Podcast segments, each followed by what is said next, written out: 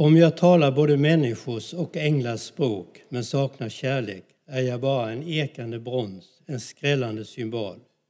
Om jag har profetisk gåva och känner alla hemligheterna och har hela kunskapen och om jag har all tro så att jag kan flytta berg men saknar kärlek är jag ingenting.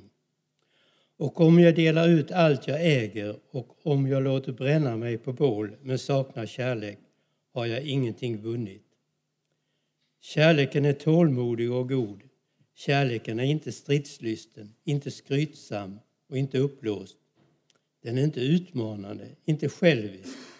Den brusar inte upp, den vill ingen något ont.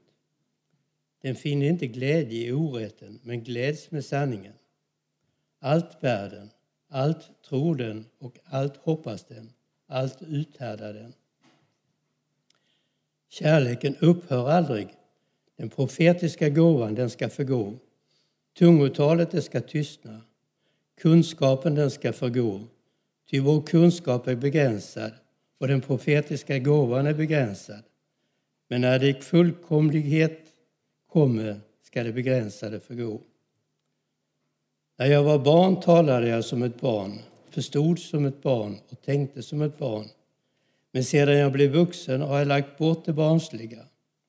Ännu ser vi en gåtfull spegelbild. Då skall vi se ansikte mot ansikte. Ännu är min kunskap begränsad. Då ska den bli fullständig som Guds kunskap om mig. Men nu består tro, hopp och kärlek, dessa tre, och störst av dem är kärleken. Vi ber. Gud som genom Kristus har försonat världen med, med dig själv. Låt den goda vilja bli synlig för oss. Ge oss kraft att gå på lidandets och kärlekens väg. I Jesu namn. Amen.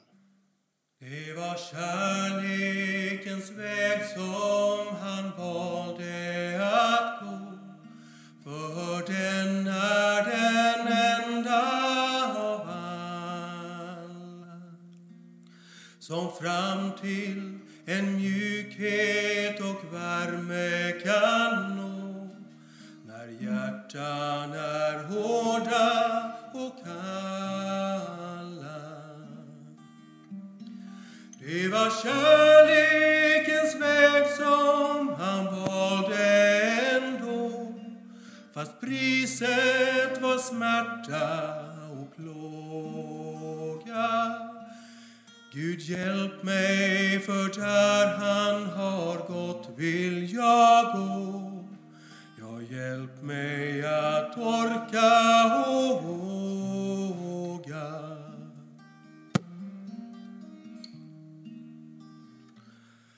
Det var kärlekens väg som han valde att gå för den är den rätta,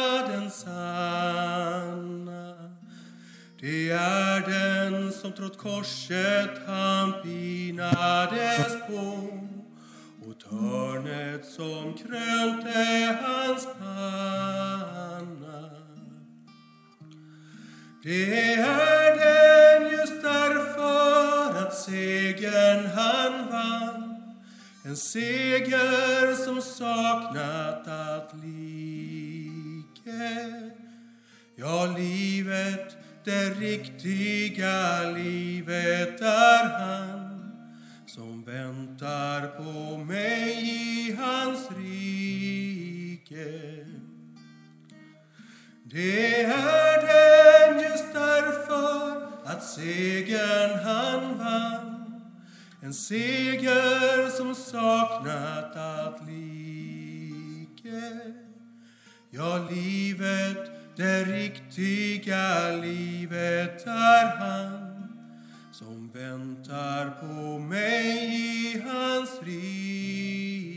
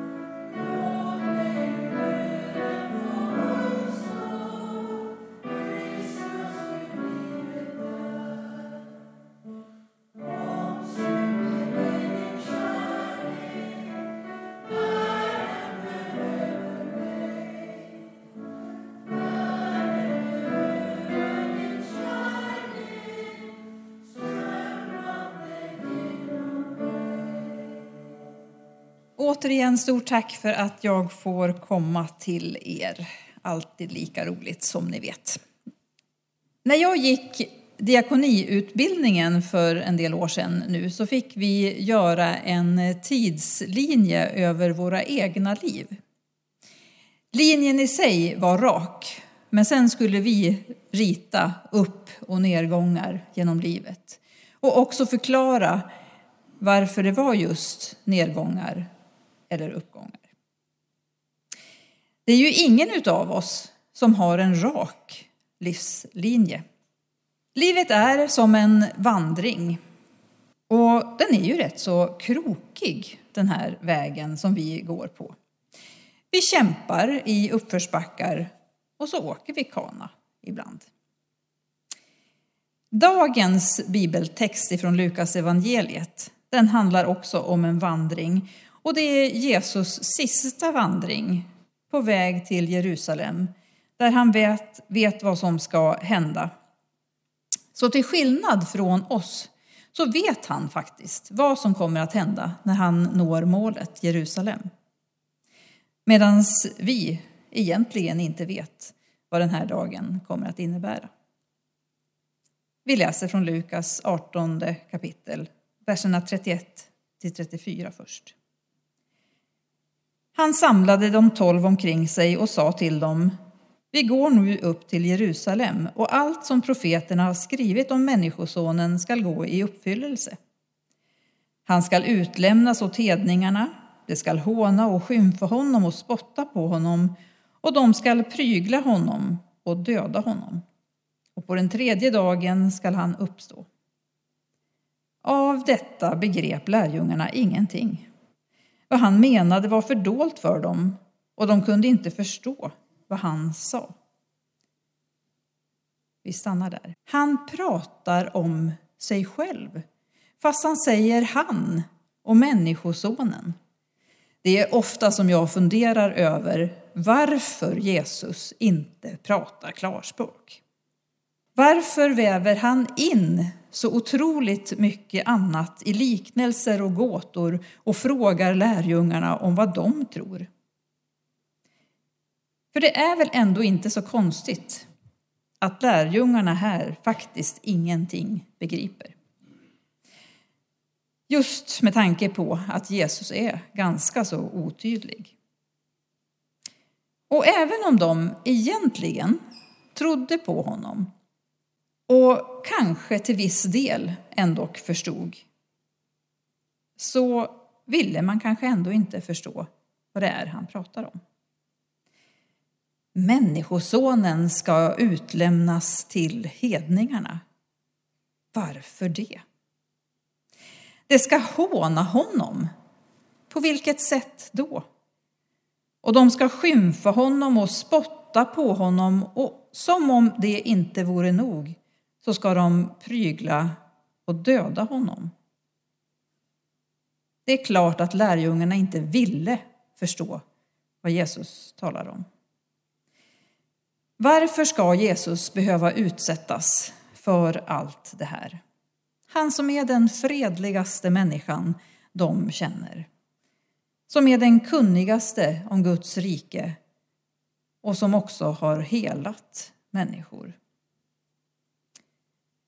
Och så det här oförklarliga och märkliga att Människosonen ska uppstå på tredje dagen.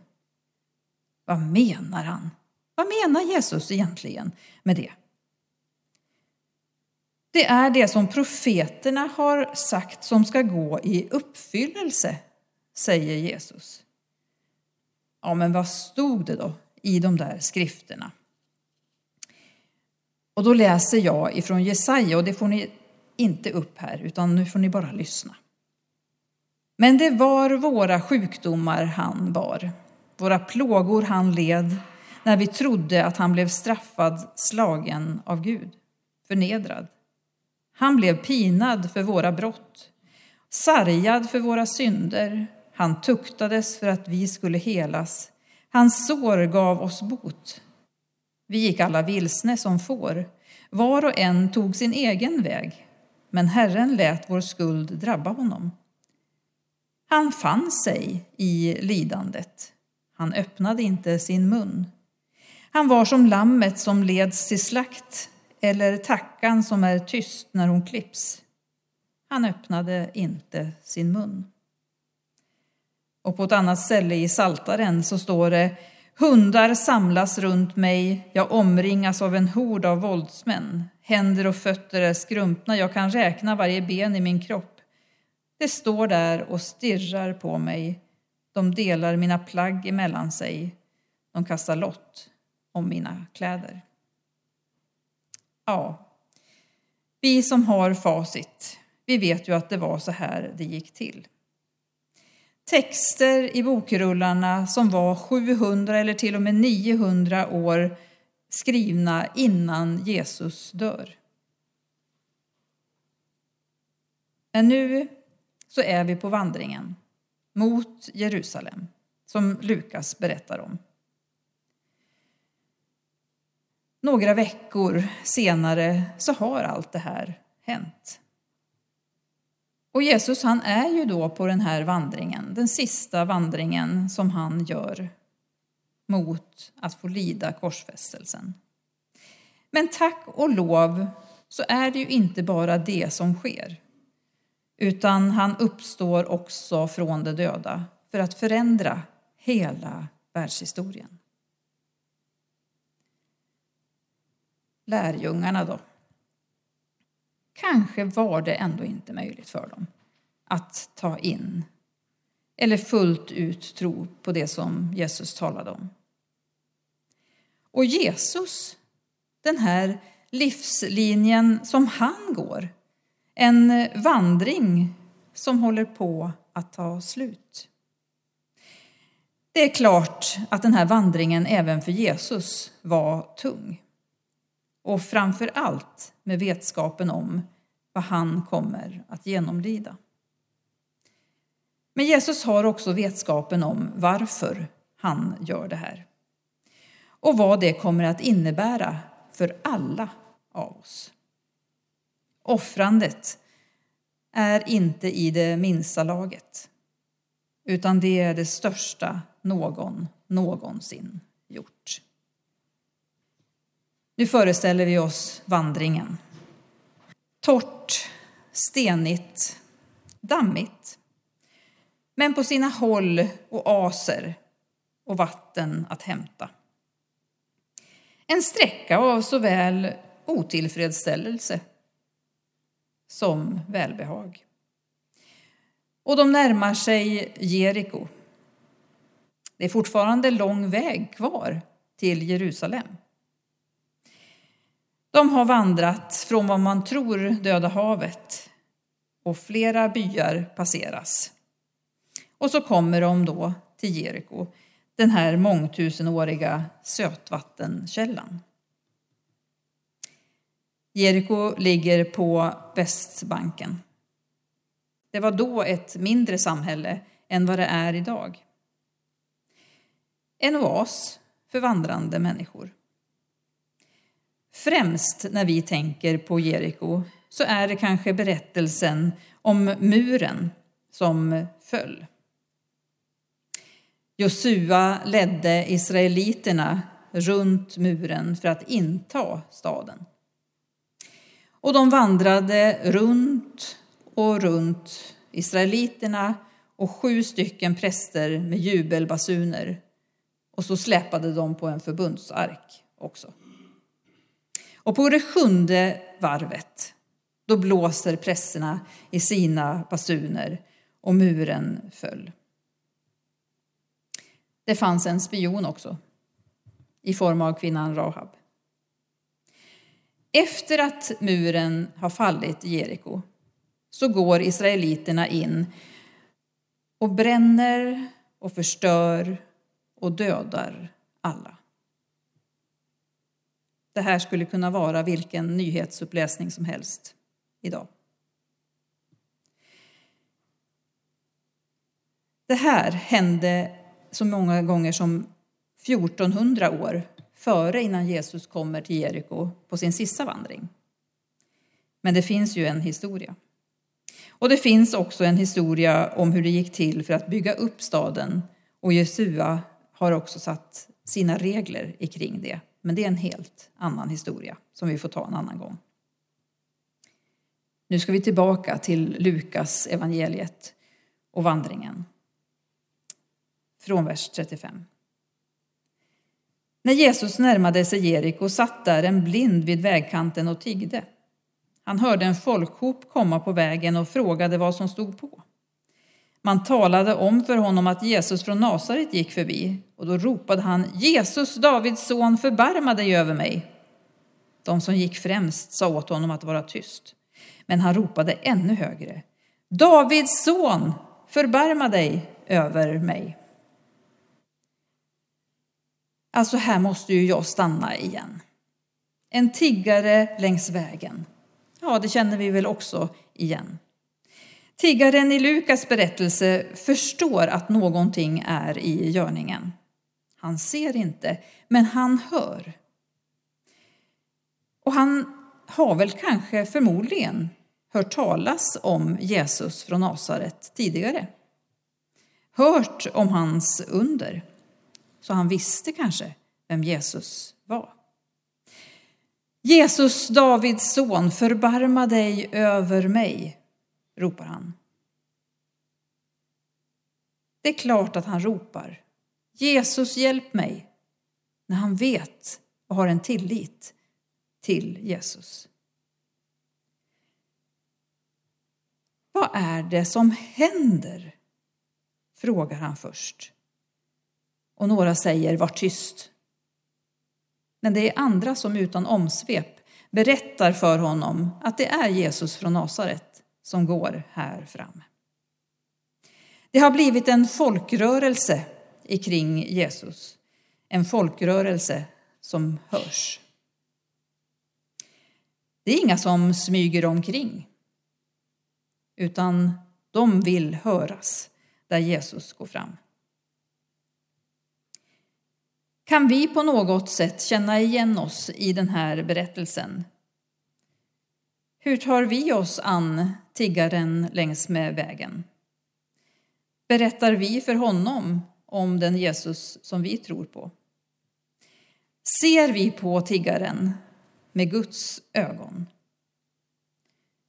Hörs det när vi följer Jesus överhuvudtaget? Eller går vi bara förbi? Någon av oss kanske är som tiggaren som just ropar Jesus förbarma dig över mig. För oavsett så är vi ju människor på väg. Någonstans längs med livslinjen så går vi framåt. Men Jesus han stannade. Och nu är vi tillbaka igen. Nu tar vi vers 40. Jesus stannade och sa till dem att leda fram honom. Och då mannen kom närmare frågade Jesus, vad vill du att jag ska göra för dig? Han svarade, Herre, gör så att jag kan se igen.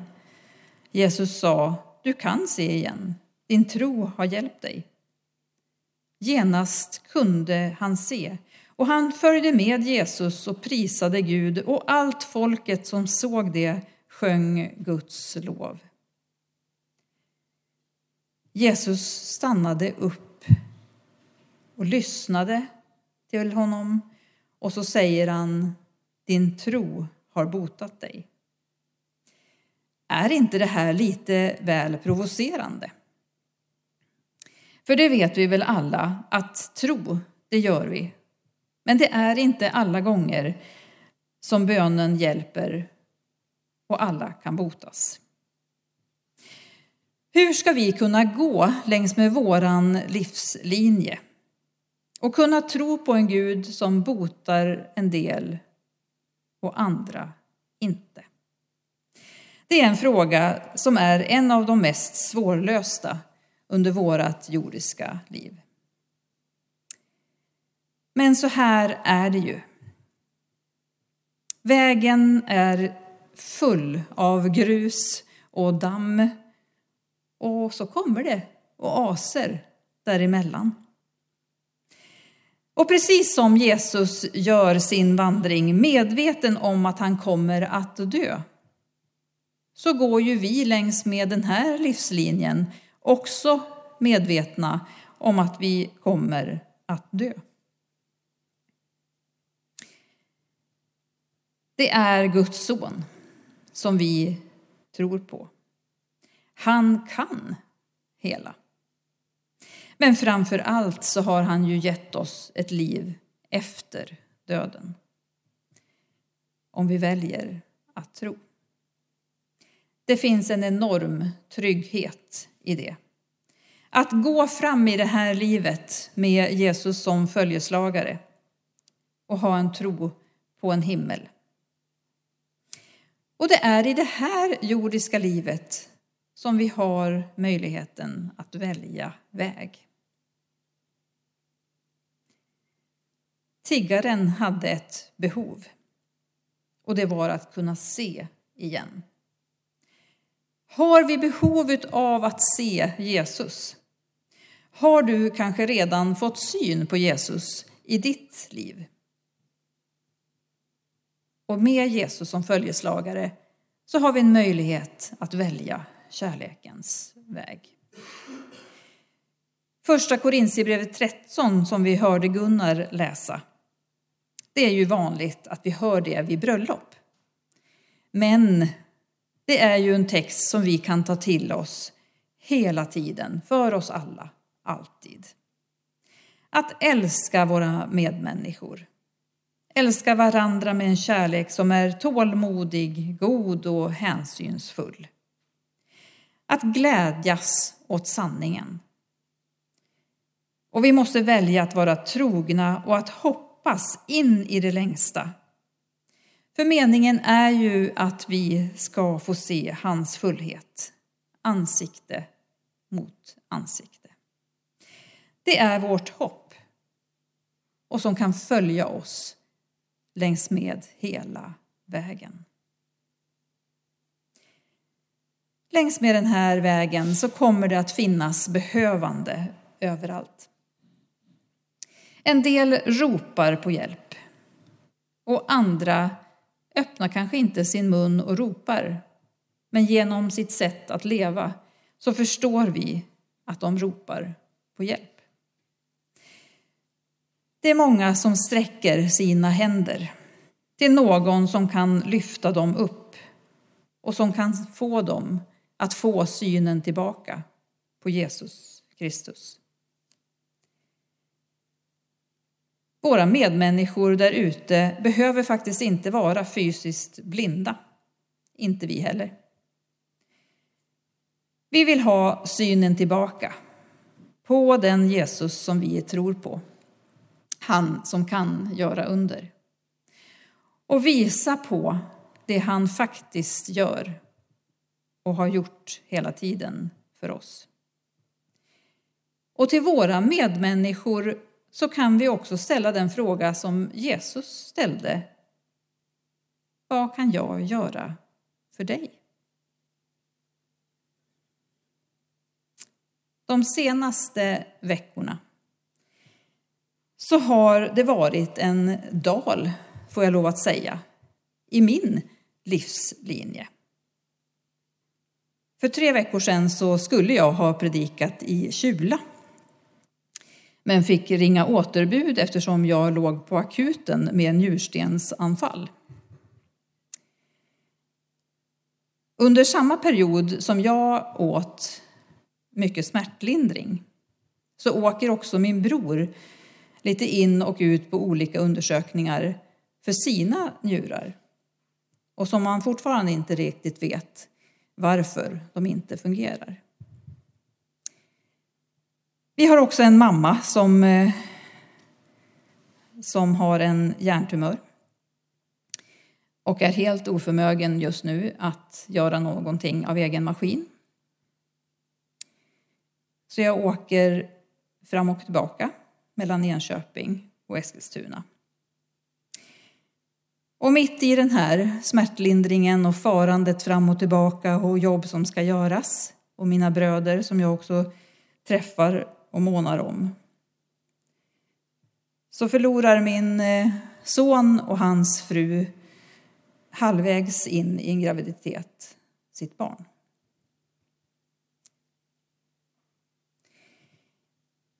Det här berättar inte jag för att ni ska tycka synd om mig på något sätt. Utan jag vill bara visa på att allt som händer en i livet är så mycket enklare att eh, liksom ta hand om, eller vad jag ska säga, när man har en tro och när man går längs med den här kärlekens väg. Vi går upp mot Jerusalem, sa Jesus. Ja, Jerusalem ligger 750 meter över havet och alltså geografiskt sett högre upp än Jeriko. Och det var en ansträngande väg för dem att gå den långa vägen. Men längs vägen så sker det under. Vi går upp till himlen längs med våran kärlekens väg. Och det är den tilliten som vi måste ha. För här så är det så att det sker krig och det sker sjukdomar som drabbar oss och liv slocknar tidigt eller sent. Vi måste se på varandra och på det som händer med Guds ögon. Han har all makten i sin hand. Och vi måste också se på vår jordiska vandring som en sträcka längs med kärlekens väg mot himmelen. En väg där vi möter varandra i det som vi står i. Där vi förlorar människor, men där vi också möter nya människor. Alla är vi på väg. Kärlekens väg ligger framför oss. Fortsätt att gå på den. Se till det som sitter längs med vägrenen. Vilka ser du där du går? Och vilka människor ser dig där du går? Låt oss hjälpas åt att följa i Jesu fotspår. Gud har sträckt ut sin hand och vi kan greppa den på våran livsvandring. Vi kan välja att gå kärlekens väg och låt oss aldrig släppa taget. Nu ber vi tillsammans. Ja, tack himmelske Gud. Tack för att just du har stakat ut vägen för oss. Tack för att det är en väg som kanske inte alltid är så lätt att vandra men där den ändå blir det för att vi får dig, Jesus, som följeslagare. Du följer oss och den helige Ande hjälper oss. Tack för att du har allt i din hand under hela vår färd. Amen.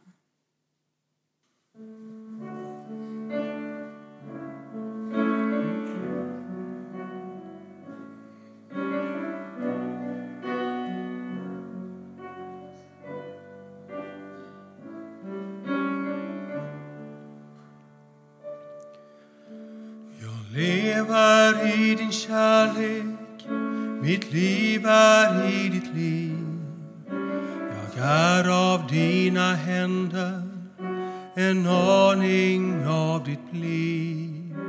Du lever i mitt öga, i varje andetag.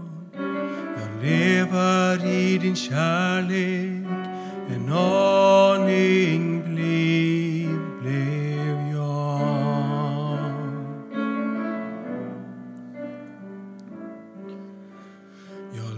lever i din kärlek, mitt liv är i ditt liv. Jag är i dina händer, en aning av ditt liv. Du lever i mitt öga, i varje andetag. Jag lever i din kärlek, en aning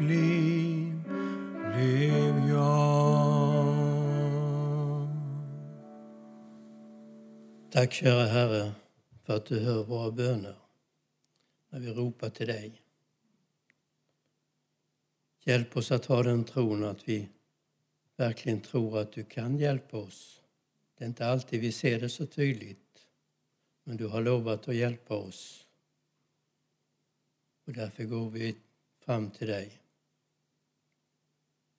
Var med oss idag och i framtiden att vandra på din väg. Amen. Vi ber Herrens bön gemensamt. Vår Fader, du som är i himlen. Låt ditt namn bli helgat. Låt ditt rike komma. Låt din vilja ske på jorden så som i himlen.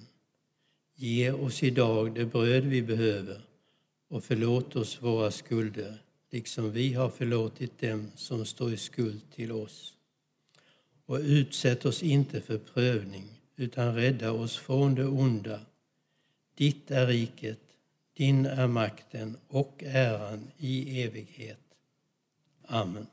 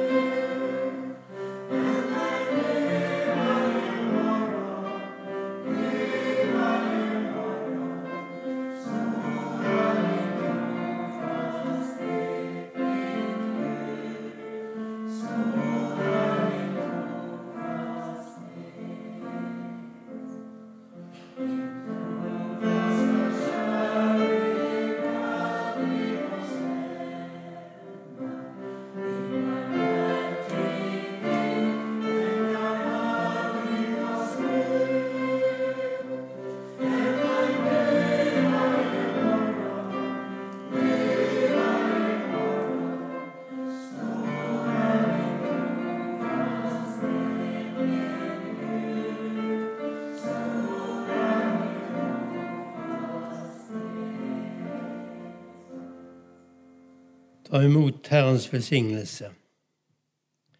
Herren välsigna oss och beskydda oss. Herren låter sitt ansikte lysa mot oss och visa oss nåd. Herren vände sitt ansikte till oss och ger oss sin fred. I Faderns och Sonens och den helige Andes namn. Amen.